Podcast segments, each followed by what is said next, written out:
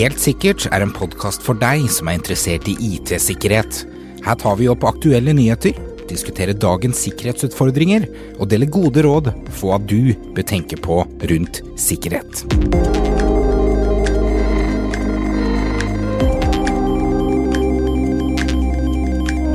Det er utrolig enkelt å utgi seg for eh, noen man eh, ikke er, og det gjøres hver dag på internett. Eh, hvordan vet du egentlig at den websiden du besøker, er ekte, og ikke bare en kopi av den ekte websiden? Vet du faktisk at eh, han du står og snakker med på internett, i chattetjenesten, er faktisk den personen som han utgir seg for? Hvordan vet du at fakturaen som du betaler, går til de riktige personene? Dagens tema er phishing. Mitt navn er Stian, Min er Alexander. og velkommen til Helt sikkert.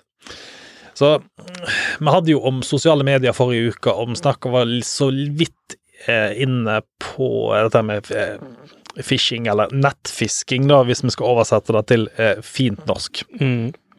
Også phishing er jo på mange forskjellige områder. Vi har jo phishing på websider, phishing på mail, phishing på sosiale medier. Eh, phishing er jo bare det å utgi seg for noen eller noe man ikke er. Og, og det er jo det, i det øyet med det, for å hente ut informasjon, da, altså for å hente ut noe som du har, eh, som du har lyst på. For eksempel et brukernavn og passord.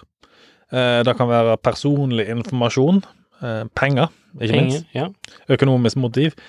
Så, så når man tenker på eh, såkalt nettfisking eller nettsvindel, så, så er det ofte veldig lett å henge seg opp i dette her med 'Å, nei, de skal stjele passordet mitt'. Men i ganske mange tilfeller så er det ikke nødvendigvis da det handler om.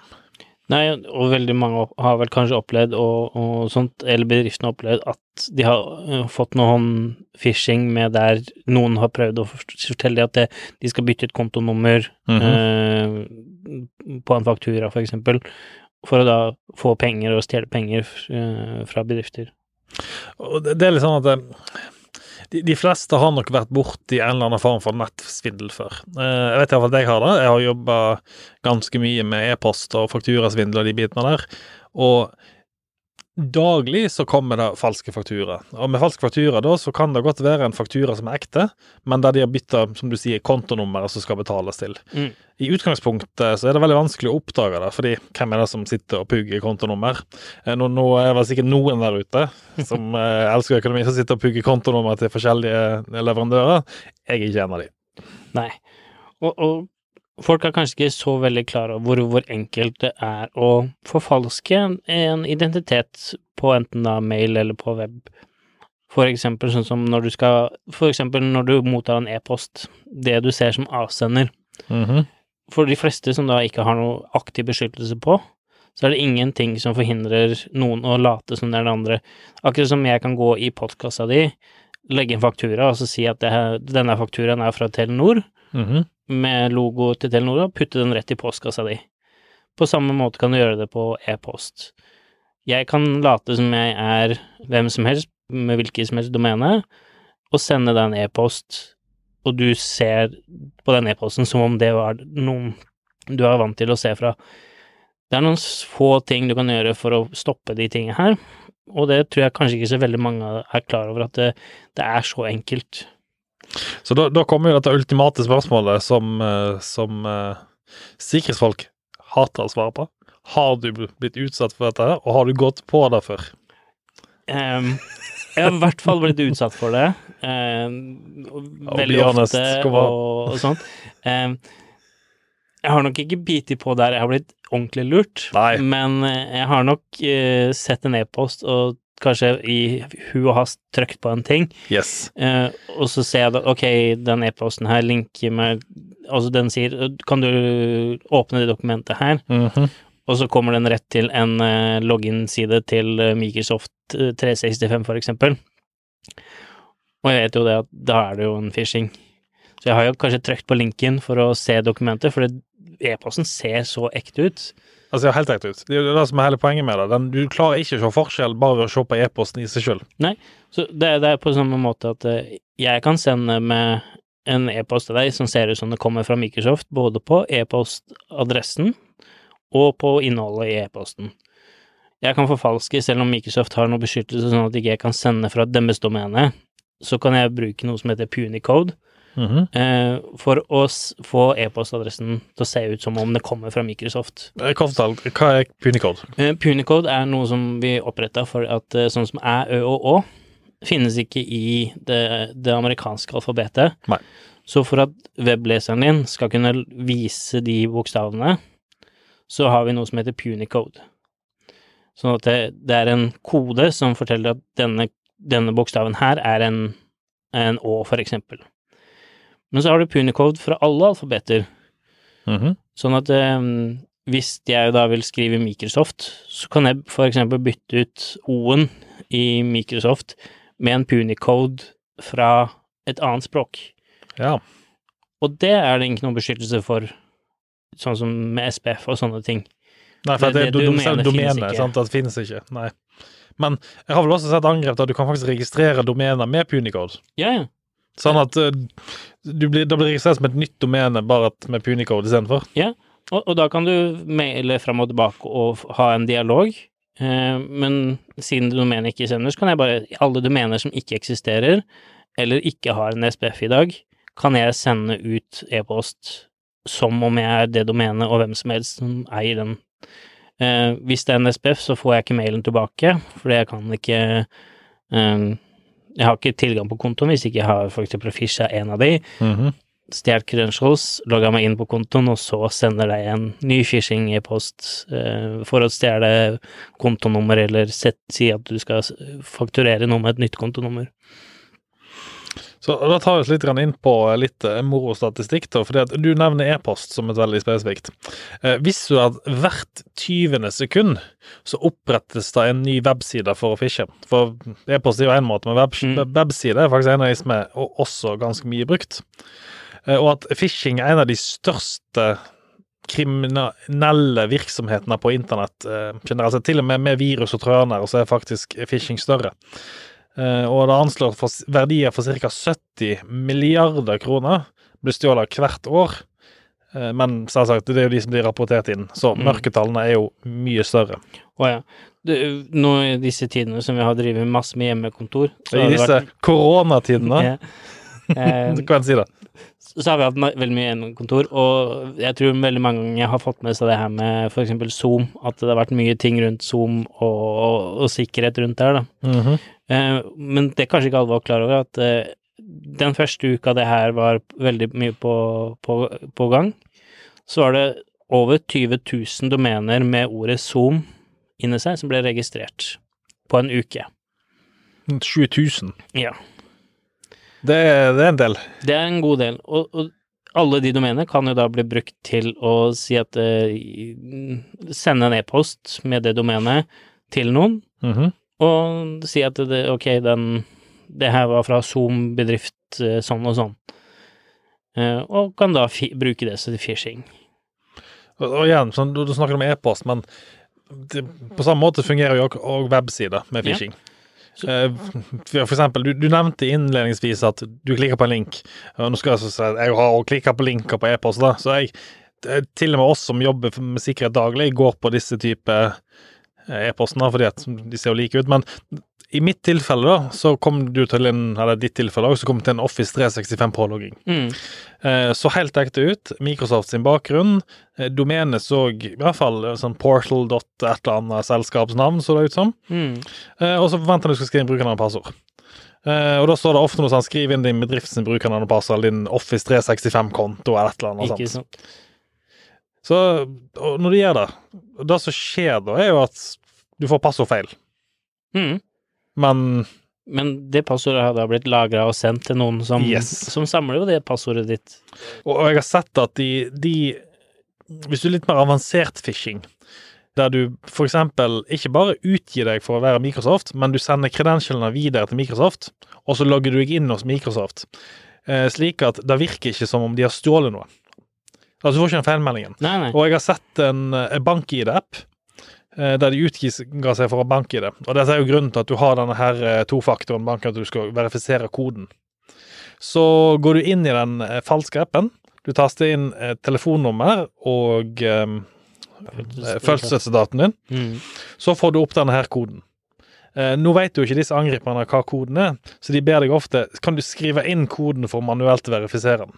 Og så gir du koden. Mm. Eh, men det de egentlig gjør, er at de går inn, og så hiver de informasjonen din. Så tar de og sender den informasjonen videre til bankene og kjører sin egen autentisering.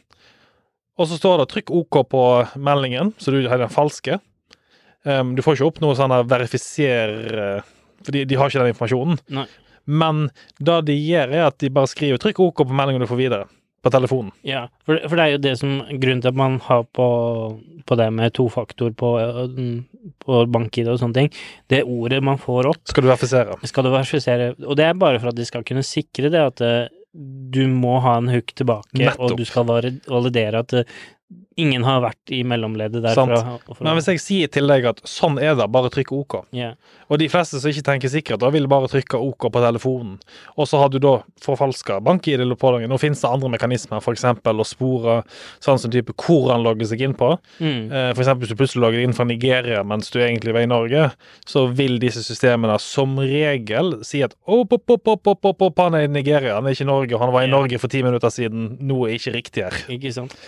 På en måte, det er jo ikke noe, noen ting som hindrer den brukeren å logge inn på, så lenge du har godtatt, og du kan bare vise til den du som da har laga den phishing-siden, kan jo bare vise at oi, det oppsto en feil. Yes. Så brukeren tenker ikke over at ok, nå er det noen som har tilgang til bankkontoen min direkte og kan gjøre hva de vil.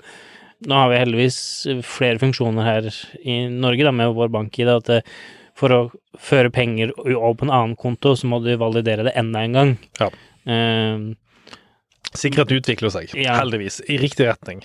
Men uh, altså for enklere systemer, der man ikke har f.eks. banker og slike ting, uh, med enklere mekanismer, så vil dette være en perfekt måte. For eksempel eh, hvis du logger inn på min side, eksempel på en ISP, mm, så vil du bare skrive inn brukernavn og passord. Uh, Men for min side så vil jeg bare forfalske det. Jeg kan, jeg kan til og med gjøre det så enkelt at jeg lager en iframe som speiler det som er på da den mellomserveren, slik at du tror at du sitter og jobber på din eh, PC, mm. mens du egentlig sitter og jobber på en annen PC.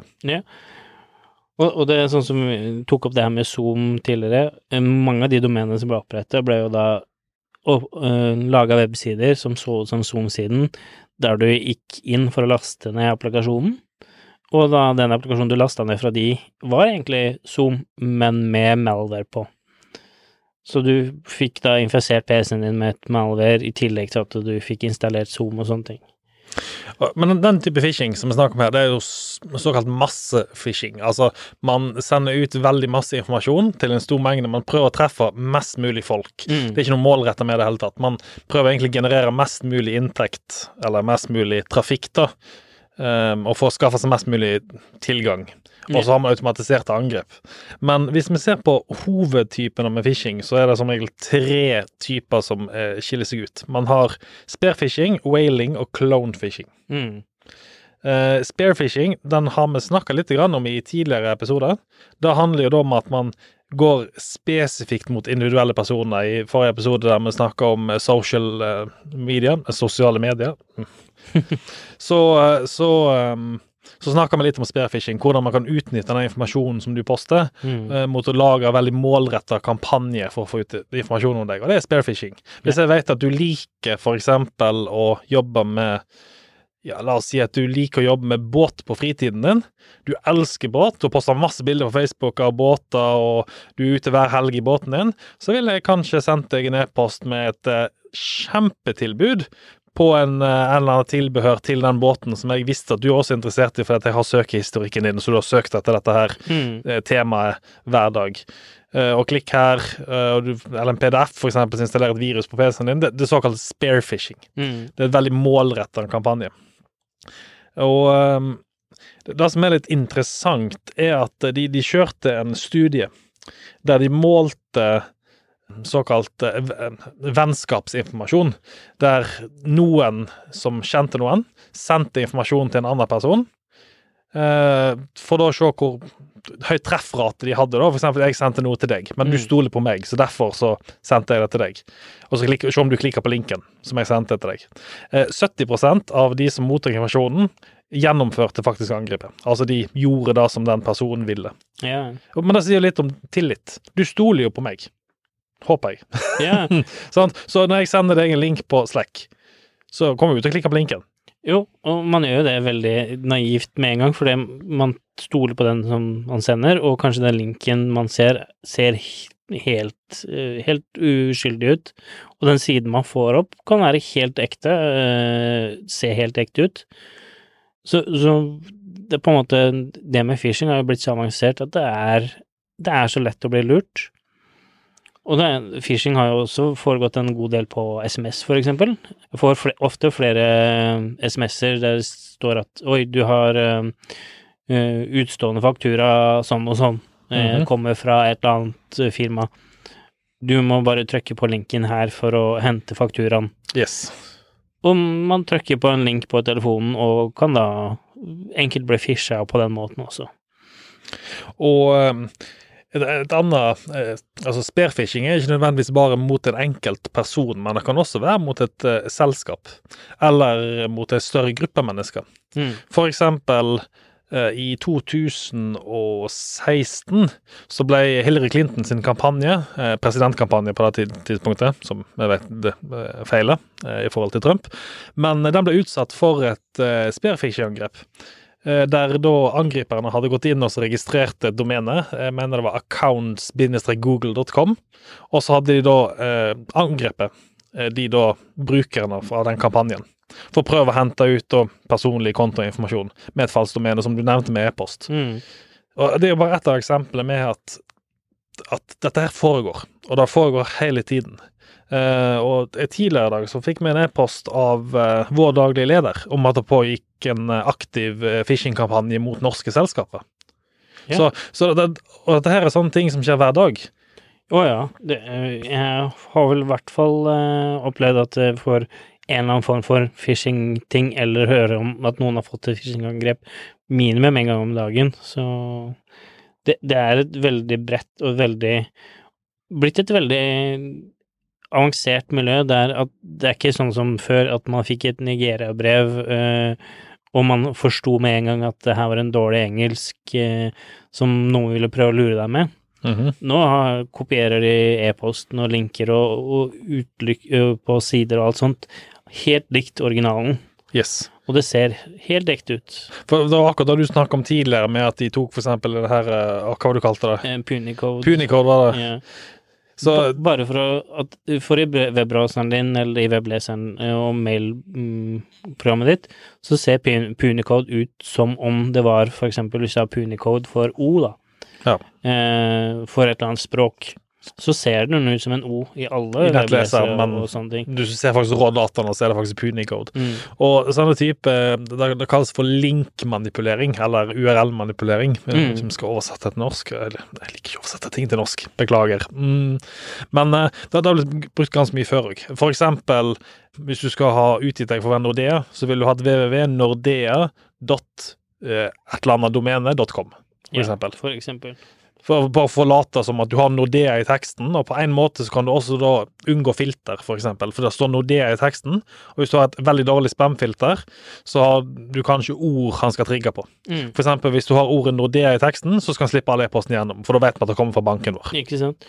Og du kan ha sånne filtre og sånne ting, men eksempel hvis du bare bytter ut kanskje en bokstav eh, eh, som ordet ser veldig likt ut, så de aller fleste leser ikke alle linker og alle domenene helt ser det at det ligner på noen ting, så tror man at det er det, ikke sant? Og trykker på linker og, og går på sider. Så Altså, jeg mener det var et angrep som eh, Ikke et angrep, men eh, med den Smittestopp-appen som kom for ikke så veldig lenge siden, så sendte han da informasjon til den SMS-en som ble sendt ut, så sto det at du skulle gå inn på en link, og det var noe eh, helsedir.no, et eller annet sånt. mm, Eh, og det noen hadde gått gjort, da, var at de hadde gått inn og så registrert eh, heisedir.no.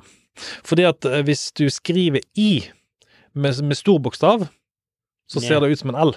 yes. Så domenet da er HE, stor I, helsedyr.no. elsedir.no. Mm, eh, for en SMS som du klikker nå ut, så vil ikke du klare å se forskjell om det er stor L Nei, om det er en st- stor I eller en stor L, liten L. Nei. Og det, det er jo sånne triks de bruker for å lure deg, og de legger kanskje bare til, sånn som du prater om, at de legger kanskje for eksempel ordet Microsoft, eh, og så dot og så et eller annet annet domene, så du tror at det kommer fra Microsoft, eh, for eksempel. Og, og så finnes det jo ganger Du, du nevnte eh, e-postkloning, og vi har nevnt webkloning, eksempel. Eh, det, det, det som kalles for såkalt clonefishing. Eh, Mm. At man kloner noe og bruker f.eks. en ekte webside. Man kan til og med bruke elementer fra websiden. Mm. Og de beste som jeg har sett, er at de faktisk går inn og henter ut enkeltelementene fra siden. For eksempel, de kloner reklamen, de kloner den, slik at når den oppdateres på livesiden, så oppdateres han også på den da, falske kopien, fordi egentlig så er informasjonen henta direkte fra websiden. Mm. Jeg har en litt morsom historie akkurat der. Da. Det, begynner å bli ganske mange år siden. eh, Jeg tror det er en 12-13 år siden. Jeg jobba da for en bedrift og skulle lage en aprilsnarr, da. Mhm. På den bedriften så hadde vi en proxy-løsning. Så jeg gikk inn og endra Klona da VG-siden, for da var ikke VG-siden på HTTPS. -hmm. Så jeg kunne klone den, og så legge til en egen artikkel. Og da fikk jeg liksom klona alt så ut som det var hele VG-siden, og så endra jeg på én artikkel om at det, det var noe jeg prøvde å lure dem med, da. Og alle så jo den siden av de som var på bak den proxyen. Ja. Så det var jo en ordentlig klonefishing, da, for Så å lure så, de for en Da. Så sånn Alexander har vunnet en milliard i Lotto, eller noe sånt. Det det var Ja. kanskje men eh, noe litt mer morsommere, Det var tipper jeg litt kanskje. mer morsomme ting. Mm. Mm. Uh, og, og vi har jo tidligere også snakka om dette her med javascript-bibliotek og falske bibliotek, hvorfor man skal ha kode, altså DevOps og DevSecOps, de forskjellige forskjellene på det. Men uh, la oss nå bare si at jeg kloner da um, nordea.no. Mm. Eh, Men det eneste jeg gjør på min side, er at jeg legger til et eh, sårbart eh, javascript-bibliotek. Som da sitter og bare logger alt du skriver. Mm. Bare enkelt. I utgangspunktet så vil ikke du merke noen forskjell, fordi alt er likt. Og alt er likt Nordea sin side, utenom det javascript-biblioteket og hvem som sitter, sitter og sjekker javascript-bibliotek. Det, det, det skjer ikke. Og jeg har til og med gjort, lagt det opp sånn at jeg henter som sagt live informasjon. At du besøker egentlig Nordea, Mm. man bare kjører det i tillegg. Ja, altså, du trenger jo ikke å, når du gjør det her, klone eh, hele websiden, for eksempel. Som du Nei. sier, du kan jo bare klone Hvis de bruker for eksempel font fra Google, så kan du bare klone den javascripten for å hente eh, fonter eller et eller annet sånt fra Facebook. Så du endrer egentlig ingenting på den siden de besøker, men du laster da en ekstra applikasjon, som kan for eksempel være en keylogger som sporer alle tinga du skriver på tastaturet når du har websiden oppe, eller noe sånt. Og det er litt sånn um, Altså, vi snakker om de forskjellige typene. Vi har snakket om kloning, altså clonefishing. Vi har snakket om uh, spearfishing. Et tema som nok ikke vi har snakket noe særlig om, det er whaling. det, jeg elsker temaet. Eller, jeg elsker navnet på dette her. Uh, fordi um, uh, whaling går på å målrette gå mot de personer som har eh, makt og penger i selskapet, som du vet mest sannsynlig har makt og penger, i hvert fall. Mm. Og det er som regel eh, daglig leder, eller eh, O-stillingen da, i, i selskapet. Ja. Så whaling, det, det, det, det er knytta mot eh, en whale, som da ofte er en person som har mye makt. Ikke sant. Og da så jeg ganske mye av, eh, spesielt i, eh, i bedrifter som har veldig mange Som, som, som, en, som har masse ansatte, som er mellom 200 og 500 ansatte, så ser vi ofte da som disse falske fakturaene. Mm. Eh, og de går ofte mot daglig leder, fordi at de for det første får det til haste. De sier noe sånn som at eh, denne fakturaen må betales i løpet av en time, eller så stopper vi tjenesten vår til dere. Uh, og, og de er som regel store fakturaer, det er ikke småbeløp. Eh, og grunnen til det er fordi at det skal virke som om det er ekte. Mm. Hvis jeg har purra på noe i seks måneder for å få betaling, så vil den fakturaen ha økt. Og jo høyere summen er, jo viktigere er det. Og jo mindre større bedriften er, jo mindre kontroll har daglig leder. Så mest sannsynlig det som kommer til å skje, er at daglig leder kommer til å ta den fakturaen og bare sende den til økonomiavdelingen sin og si hei, den må betales med en gang. Ellers mister vi tjenesten. Ja. Og daglig leder i en såpass stor bedrift vil ikke ha peiling på alle disse små systemene som de er avhengig av, og økonomiansvarlig vil heller ikke ha peiling på disse små systemene som finnes i bedriften. Ja, og når det kommer da fra daglig leder, så vil jo den økonom, øh, økonomansvarlig egentlig ta det her som en ganske troverdig e-post, og ikke tenke så veldig mye over det.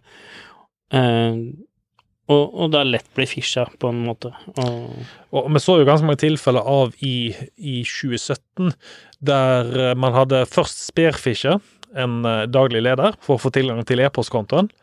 Um, og så hadde man sett fakturaer som kom inn, og da de gjorde, var ganske, det, det var ganske kult. De gikk inn i e-postfilteret, og så sa de at dersom det kom e-poster fra det selskapet som inneholdt PDF, så skulle de sendes til en annen e-postserver, altså de angriperne sine. mm, Så ble e-posten sletta. Så ble det lagt opp en kopi av e-posten med en falsk faktura. Yeah. Der de hadde da endra kontonummeret til sitt kontonummer. Og dette her var en automatisk regel som bare ble lagt inn i Outlook. mm, Så angriperne var aldri inne på disse kontoene i Outlook. Ble, den regelen ble bare automatisk lagt til. Og hvem, altså det er ingen som går inn og sjekker disse typer reglene, normalt sett. Slik at når eh, Norsat var blant i en god del selskaper og, og etterforska disse sakene. um, og fant, fant det, det, ligger varsel på Norsert om å få sjekka det med Office 365-regelangrepet. mm, Um, bare se på websiden der.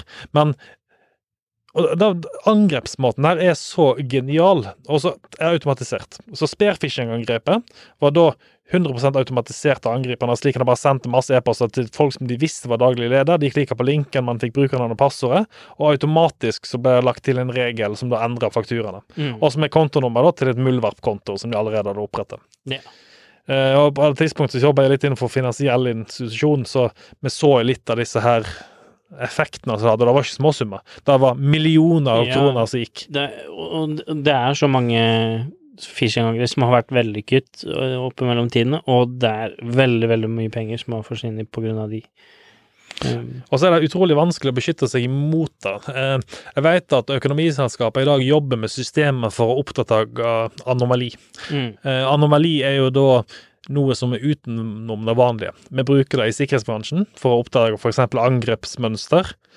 Eh, man bruker det i sikkerhetsbransjen, f.eks. å se eh, Vi bryr oss ikke så veldig mye om når de ansatte kommer på jobb, men vi bryr oss veldig når det skjer noe utenom det vanlige. Yeah. For eksempel du har en ansatt som plutselig popper innom klokken tre om natta, som aldri har pleid å gjøre det noensinne.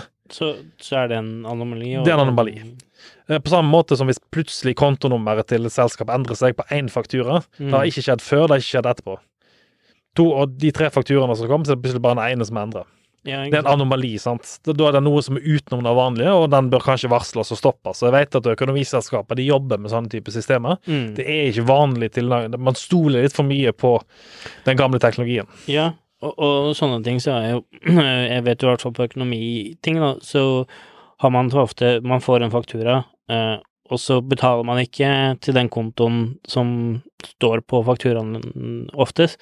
Man betaler til den kontonummeret som man har ferdig registrert i systemet, sånn at eh, hvis da du får en falsk eh, e-post med et falskt kontonummer, så betaler man til det riktige kontonummeret uansett, så man på en måte bruker ikke den dataen man får eh, tilsendt mm, som riktig data hvis ikke den stemmer overens med, med den data man har lagra sjøl.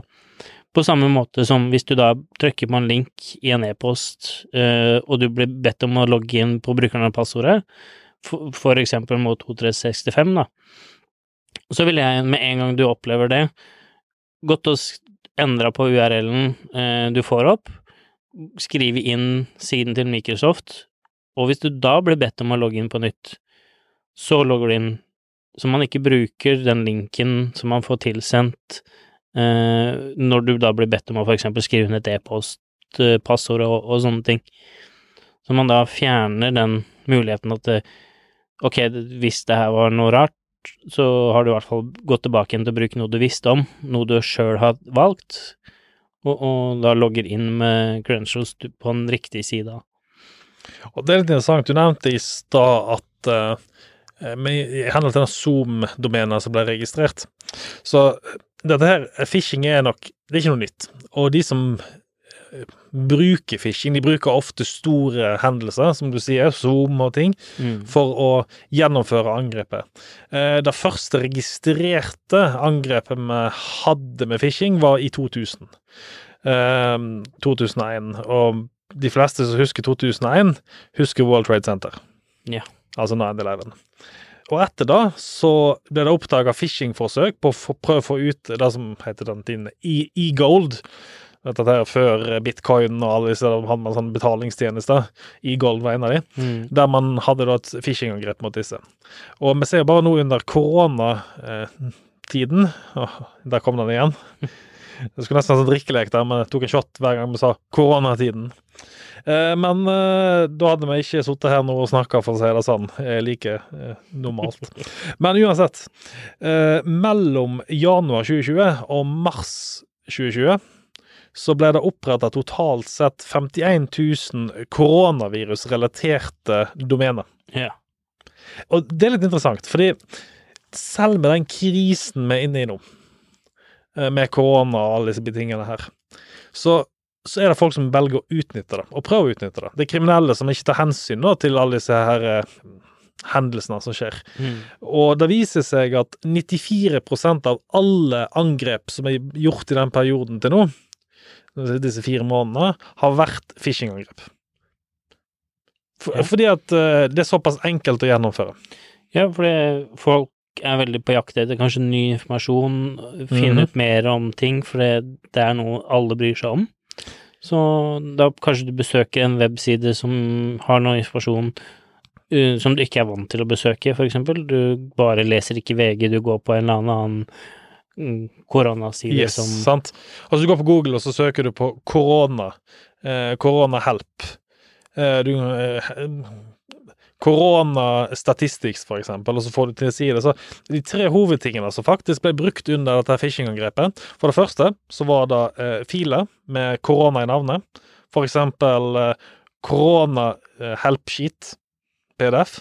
Ja. Og så inneholder PDF-en da et malware som blir installerte på PC-en din. for eksempel. Eh, og folk klikker jo på det hytt og pinne. Eh, filer som blir distribuert på e-post, der du har da eksempel korona, og du har koronavirus i tittelen. Og de fleste spamfilter vil ikke da blokkere de. Fordi at de fleste har da noe intern eh, håndtering av korona, sånn at de slipper gjennom alt sammen med korona gjøre. Mm. Så det er smart. Og det tredje da selvsagt er websider, websider med korona eller koronavirus i navnet, i domenet. Yeah. For eksempel eh, koronahjelp.no. Nå sier ikke at domenet eksisterer eller noe sånt, men, men det er sånne ting som mange kunne ha klikka på. Ja, og, og, og det er jo også hvis det er en side som for eksempel mange har vært vant til, og du får en e-post der det ser ut som det, det domenet som er reell, så kan du jo likevel lure dem med å bruke Punicone eller andre form for ordleker, da, sånn at det ser uh, riktig ut. Hvis du skulle tippe, hvor mange e-poster tror du at Google eh, blokkerer daglig, uten å jukse? Eh, for jeg vet at du sitter med samme statistikken som meg, så uten å lese det Hvis du mange, mange tipper hvor mange e-poster de blokkerer daglig som har med koronaspam å gjøre, veldig spesifikk koronaspam jeg, jeg vil tenke noen billionertall. Det, det er nok ganske mange. ah, Det er ikke billioner, men det er, Eller 18, millioner. det er millioner. Det er Ja. 18 millioner per dag Ja. e-poster som blir blokkert. Uh, og hvis du skal Hvis du tar med da alle eh, La oss si alle angrepsflater. Eh, web, domene, e-post, eh, chat. Hvor mange tror du har totalt sett blir blokka av Google per dag? Mm, Fire ganger av det du nevnte i stad, i hvert fall. Ah, ja, vi skal opp i tigangen. Ja. 240 millioner forsøk hver dag. Mm. Og det, det sier jo litt grann om hva tall vi snakker om når vi snakker om phishing. Uh, for det som sagt veldig lett å bare tenke på at dette her er noe som ikke skjer med meg, men det skjer hele tiden. Ja. Og summen man får ut av dette her Altså, vi snakker jo om 70 milliarder kroner i året. Det er en Mm. hel egen økonomi på dette. Og, og hvor mye koster det meg å sende ut en e-post? Hvis jeg skal sende en million e-post, så koster det meg kanskje 10-15 kroner. Ja. Og jeg trenger ett treff. Ett treff. Og, og når det er blitt så Det er ikke sånn som vi pratet om litt tidligere, at det, det er ikke så sånne ting som Nigeria-brev, der du enkelt ser at det her er en falsk ting lenger. Det har blitt så ekte og så enkelt å kopiere og, og klone de tinga som man er vant til å se, at veldig, veldig mange går på. Jeg skal innrømme, jeg har en liten um, digresjon. Jeg, har en hobby. um, hobbyen min, det er at jeg svarer på Nigeria-brev. Og det er så gøy. Uh, det andre folk sier gjør det på internett. Um, vi, jobber en god del med det når vi jobber i, som konsulent eh, i finansielle institusjoner. Fordi at der var målet å prøve å få hente ut kontonummer. Eh, altså, når du snakker med disse Nigeria-brevene, så vil de til slutt be deg å overføre penger til et konto. Mm. Og målet med det er å få ut kontonummeret, slik at du kan rapportere det inn til bankene, slik at de kan låse ned kontoene. Mm. Eh, men det er også, også, det er også utrolig moro, fordi eh, de ber deg f.eks. sende passinformasjon. Så jeg tok, gikk på Google, og så søkte jeg på Norwegian Passport, og så sendte jeg bilde av Ola Nordmann-passet. Du vet det standardpassordet som Yeah. yeah. Not for use-saken? Sendte jeg til dem. Uh, for øvrig, jeg gjorde det på andre forsøket. Første, første gang så sendte jeg bare et bilde av et uh, norsk pass uh, med forsiden. For de spesifiserte ikke om jeg skulle ha innholdet i passet, de skulle bare ha et norsk pass. Ja. Og så sendte jeg da innhold og sånn annet pass. Og dette her, dette er en sånn e-postutveksling som går ganske lenge. Det var falsk Hvis du har lyst til å gjøre dette her, bruk falske kontoer. Det, det, ikke bruk deres egne konto, Mm. please, fordi at du sender bare informasjon som du kanskje ikke har lyst til at andre skal ta tak i. Og du snakker med kriminelle, husk det. Mm. Uh, men uansett, så eh, hobbyen meg, så driver jeg og kommuniserer med såkalt Nigeria-svindlere for å hente ut mest mulig informasjon av de. Og det er ganske moro, fordi de svarer jo tilbake, og de er jo helt seriøse, det er jobben deres å prøve å hente ut yeah. den type informasjon. Så eh, som sagt, liten digresjon. Eh, Ja, jeg har noen liten morsom ting sjøl på akkurat det samme. Eh, Vi har jo alle opplevd det her med Microsoft eh, som ringer deg, og du har en mm, maskin som er infisert med et virus. Det er også en form for ja, kanskje litt phishing. Eh, de, de ringer deg på telefon og sier at maskinen din er Windows-maskinen din er infisert med noe malware eller noe virus, mhm. eh, så de vil hjelpe deg å fjerne det. Da er det veldig morsomt å prøve å veilede de så lenge som mulig, og bare holde de på tråden. Ja, vi hadde jo en, en historie her der vi hadde en tekniker her, eh, eh, her hos oss som, som klarte Fikk en sånn telefon. Eh, jeg skal ikke nevne han med navn her, han vet hvem han er. Uh, kan være godt høre på den podkasten her òg.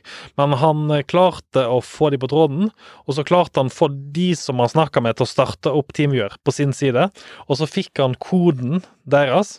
Så hei, jeg vil, jeg vil ha koden din, for på så gir du en kode for å koble til. mm. Eh, og han klarte nesten å koble til til dem. Han fikk feilmelding fordi han hadde en nyere versjon av det de hadde. Yeah. Men vi var så langt unna om å få full tilgang til maskinen da til de som prøvde å, å svindle. Mm. Uh, en digresjon, men det, det, det er gøy å ha dem sånn. Men vet du hva faktisk beste tipset du kan få hvis du får en sånn telefon? Uh, de ringer ikke meg lenger. Vet du hvorfor ikke de ringer meg? Fordi at uh, hvis de begynner sånn Hello, this is from Microsoft Support, så svarer jeg Yes, hello. You're, you're talking to the Norwegian police. Og så svarer jeg What were you saying? Yes, you are talking with the Norwegian police. How may I help you? Beep, beep, beep, beep.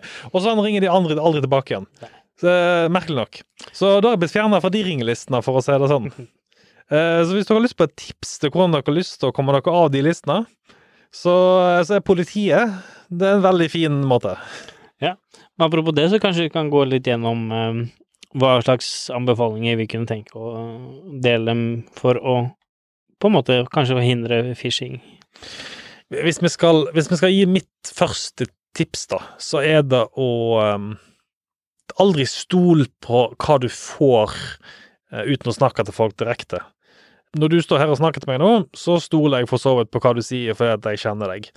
Men hadde du sendt meg en e-post eller en SMS, så tenk at hvis ikke den meldingen er kryptert og signert med din personlige nøkkel, Mm. som jeg da selvsagt har dekryptert hos meg, og ikke kan verifisere at det er deg på en sikker måte, så kan det komme fra hvem som helst. Ja, For det, det er veldig, som vi prater om, veldig enkelt å forfalske avsender eh, og få det til å se helt ekte ut, Yes. uansett om det kommer fra riktig e-postadresse eller kommer fra riktig webside. Så, Så- valider valider avsender. Mm. ville jeg sagt. Og i kritiske tilfeller, f.eks. med fakturabetaling, så ta gjerne opp eh, telefonen din og ring til personen. Mm. Dobbeltsjekk. Dobbeltsjekk. Eh, en anbefaling jeg har, på en måte, det er at man uansett eh, Sånn som hvis man eh, har på O365 og sånne ting, det er så lett å bli fisha, så alltid ha en tofaktor på. Ja. Sånn at hvis du er uheldig og blir fisha, og du, du skriver inn passord og brukernavnet ditt, så får du ikke tilgang til uh, kontoen din fordi du har tofaktor på. Bruk alle de ekstra sikkerhetsfunksjonene som er avhengig av mer enn bare brukernavn passordet, eller den informasjonen som er enkelt å fisje fra deg. Så en, og så bruker du en passord og en, kanskje en, en ting du har, eller eh, et sertifikat du har på maskinen, eller en eh, nøkkel, eller whatever. Jeg vil si at Mitt tips nummer to vil være å alltid besøke websider, f.eks. banken din, ved å skrive inn eh, webadressen manuelt. Ja. For eksempel hvis jeg skal inn på Nordea, så går jeg opp i baren, og så skriver jeg nordea.no. Mm. Ikke ha en sånn her ting du klikker på i e-posten din for å komme inn der, for Ja. da er det veldig enkelt å forfalske. Ja, så vi kan bruke Punicode, vi kan Yes. bare bytte ut bokstaver, store, små, som vi prater om. Utrolig enkelt. Og ikke bruk ikon på skrivebordet ditt heller for å skrive det inn, for det er òg veldig enkelt å endre på. Ja, har jeg tilgang til maskinen din, så kan jeg bare endre på, på det. Så vi har jeg malware inne, så kan jeg fort få deg til å gjøre andre ting. Ja, hva vil du tenke på som eh, ditt andre gode tips? Ja, altså Noen ting da er jo det at man, som du sier, da, validerer. Men eh, bruk flere kanaler å kommunisere på enn bare e-post, og bruk en sikker kanal eh, der du kan validere mye bedre. E-post og web er enkelt å, for, å forfalske, og pass på at allting du går inn og skriver informasjon på, har en HTTPS-link, sånn at du går ikke på Nordea uten at du ser at det står en nøkkel oppi baren, og at det er en HTTPS-side og sånne ting. Ja, så vil nok kanskje jeg, som, som mitt tredje tips, det er å Altså, hvis vi, Nå vi setter veldig fra personlig side, hvis vi ser litt fra bedriften sin side, så finnes det tjenester ute for å teste de ansatte i phishing. Mm. For eksempel sånn som KnowBe4, der kan man eh, kjøre en såkalt fish-test. Og det er rett og slett en mengde e-poster som sendes ut til bedriften, som ser helt lik ut som, eh, som en, for eksempel Netflix eller Office 365. Eh, Det er, vel en, det, det er nok noen daglige ledere som sitter og griner nå fordi at de har gått på dette her. Eh, så, så, så, de er utrolig ekte, og jeg ville òg gått på den. Hvis du ikke tenker deg om, så ser det helt ekte ut. Det ser ut som det kommer fra bedriften sin, eh, sin e-postside. Og den en veldig god sånn lærefunksjon. Jeg vet om en daglig leder som har bitt i på en sånn test. Ja, opptil flere. Mm. Men eh, skal ikke nevne navn her i podkasten. Ja, podkast-episoden. Ja, noe sånt. Uh, så, så ja, og de er effektive. Um, det de gjør, er at du må inn og godkjenne at du kan sende ut på vegne av din egen e-postadresse i utgangspunktet, fordi du kan sende ut sånn falske på en falsk domene, men det beste er å sende ut internt for en egen e-post, slik at det kommer faktisk internt i bedriften. Mm. Eh, For de fleste angripere vil uansett ha klart å spofe seg, som du sier, til en falsk e-postadresse. Og, og det gjør at du kan lære opp de ansatte til å, å, å tenke Yes. før de gjør ting, og at de faktisk validerer før de, før de prøver på å trykke eller skrive inn en, et passord på en side eller et eller annet. Det er akkurat for Målet er jo ikke at vi skal ta ansatte. Vi vi er ikke her for å teste de ansatte, men her for å lære de. Så når de da klikker på linken, så får de opp en sånn der Ops, du skulle kanskje ikke ha klikka på den linken her, og så tar de den til en informasjonsside der du lærer mer om phishing. Mm. Og så da, tror meg eh, Du snakker om dagledere som griner over det, og som har vært borti dette før. Du, de husker det til neste gang.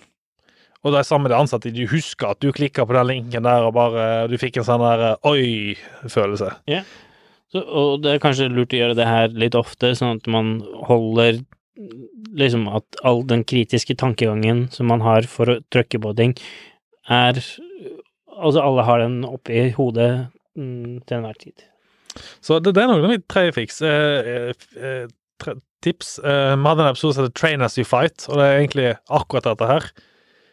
Bruk metodene som angriperne bruker for å lære opp bedriften på bedre sikkerhet. Mm. Bedre tips kan ikke du få. Så nå får du ta din tre. Nå er jeg spent. Ja, nei, jeg syns vi har kommet med ganske gode tips. eh, og, og jeg tror det med phishing er veldig Man skal ikke være redd for å gjøre ting, og, og alle vil bite på phishing. Men så fort man opplever ting, da, så del det med kanskje kollegaer, med andre. Få, få informert alle i bedriften, for det her med phishing endrer seg så ofte. Som sagt, det foregår både på e-post, web, telefon, de ringer deg, de sender meldinger, og sosiale medier foregår det veldig mye på. Så, så vær på vakt uansett hvor det er en, og, og vær kritisk. Eh, Jeg kan nok dele et eh, siste tips da, til sikkerhetsorganisasjoner som kanskje hører på podkasten.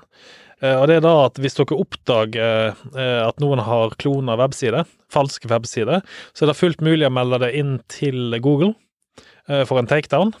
Eh, Det som skjer da, er at Google går igjennom og sjekker om den er falsk eller ikke, og så får du da en varsel i Chrome når du prøver å besøke nettsiden Mm. med at denne her kan være falsk. Du har også en tjeneste du kan kjøpe for å melde inn såkalt takedown av websider eh, brukes veldig ofte av finansielle institusjoner. Der de har eksempel, hvis, hvis DNB oppdager at sin webside blitt klona, så sender de den inn til takedown, og så blir den da tatt ned av webserverne. Basically, bare sier pff, blokkerer ut av ISP-ene. Så det finnes tjenester der ute som kan hjelpe dere. Ikke prøv å gjøre dette sjøl. Det er altfor stort at dere som bedrift skal klare å kunne håndtere det. Det er kanskje også et tips som jeg vil, eh, jeg vil gi dere, rett og slett. Eh, og så er jo dette her med sagt med, med, tre, med trening er den beste. Eh, også monitorering. Og det har litt med takedown å gjøre, at uh, overvåk nettet. Mm. For eksempel sette opp nøkkelsøk i Google på navnet deres. Slik at hvis det da popper opp en ny webside som har DNB i seg, så får dere et varsel med en gang. Eller et nytt domene som registreres, f.eks. med DNB i navnet. Mm. Nå, nå bruker jeg DNB, men det kan være hva som helst. Um, domenevarsling, veldig enkelt. Um, Fins masse tjenester på det. Ja. Og det, det koster ikke mye penger heller å ha på plass. Og jeg vet iallfall da at hvis jeg som bedriftseier eh, kan få en sånn pling hvis noen registrerer navnet mitt på et domene, så vet jeg at noe er galt. Fordi jeg har ikke bedt om det. Nei. Så hvorfor skal noen andre registrere mitt navn på et domene? Ja. Og som en siste ting, da, så vil jeg Vi har jo ofte kanskje nevnt en side som heter I have been pwned. Yes. Eh, Det er også en ting som kanskje er litt lurt, for du, det er jo ikke alltid du vet at du har blitt fisha. Eh, Du har kanskje skrevet en passord og brukernavnet ditt, og har ikke tenkt over at det ikke funka, og, og på en måte har ikke merka noe til at noen har tatt noen ting fra deg. Men sjekk e-postadressen din på I have been pwned, Mhm. Så kanskje du får litt indikasjoner om at du har blitt fisha, eller credentials har blitt stjålet fra andre steder. Jeg har et siste tips da for å avslutte episoden, og det er rett og slett spamfilter. Yeah. Det finnes ingen grunn til at bedriften din eh, nå ikke skal ha spamfilter. Har du Office 365, så mener jeg også at de har spamfilter i Microsoft. Ja, du har ATP og sånt i Microsoft. Google har sitt eget spamfilter. Ja. Eh, på Exchange er det mulig å ha tjenester, slik som Sofos, F-Secure. De leverer egne typer tjenester for spamfilter. Mm. Det finnes ingen grunn til at dere ikke skal ha det, rett og slett. Og den der som blir sortert ut som spam, send da gjerne til en egen postboks, så kan analysere hvilke type e-poster som kommer inn. Hvis de er ekte, så må de kanskje justere spamfilteret. Eh, og så kan man bruke da de linkene man får i f.eks. de der spamfiltrene, og melde de inn. Mm. Og så rapporterer de inn til sikkerhetsorganisasjonen og sier hei, denne disse prøvde å fishe oss. Ja, så du kan da, eksempel hvis du har en monterertjeneste, søke ut alle de domenene som kommer på en sånn phishing-tjeneste, og se om det er noen som har besøkt de websidene som da kommer i bedriften. Eh, og selvsagt, sagt, Hvis dere har lyst til å få hjelp til alle disse tingene her, så kontakt en sikkerhetspartner eller en IT-partner. De har som regel tjenester eh, til dere som, som, som kan hjelpe dere. Eh, kanskje ikke så lurt å prøve å gjøre alt dette sjøl, men eh, Nei, det er en, det er en jobb. i seg sjøl. Ja, det er en jobb. Så eh, Ja, nei, jeg tenker vi avslutter der i dag, jeg. Ja. En fin episode, tror jeg. Yes. jeg Eh, tror vi kan sikkert uh, snakke masse om fishing. Eh, mye mer om fishing òg, vil jeg tro. Jeg tror vi kunne prate en hel dag om dette, så Ja, kort. Jeg nevnte KnowBefore. Det finnes andre leverandører av såkalte fish-tester. Sofas har sin. Eh, ikke sikker om F-Secure har, men det kommer nok. Um, og det finnes flere ute på internett. Yeah. Så finn en som du er komfortabel med å bruke, som passer ditt behov, og så bruker du den. Mm. Så tenker jeg egentlig alt for oss. Yeah. Jeg tror det er på tide at vi skal kjøre en sånn test igjen snart her. Ja, Det er noen som trenger å testes. Så kanskje vi skulle gjort det sånn dagen før eh, denne episoden her kom ut? Kanskje det? Skal vi gjøre det? Ja. Det er en plan. Ha en god dag. Ha en god dag. Ha det. Podkasten Helt sikkert er laget av Cybron Security og produsert av Shaw Media. For mer informasjon om IT-sikkerhet, gå inn på cybron.no, eller så finner du oss også på Facebook under navnet Cybron Security. Vi tar gledelig imot innspill, tips, eller om du har spørsmål rundt din IT-sikkerhet.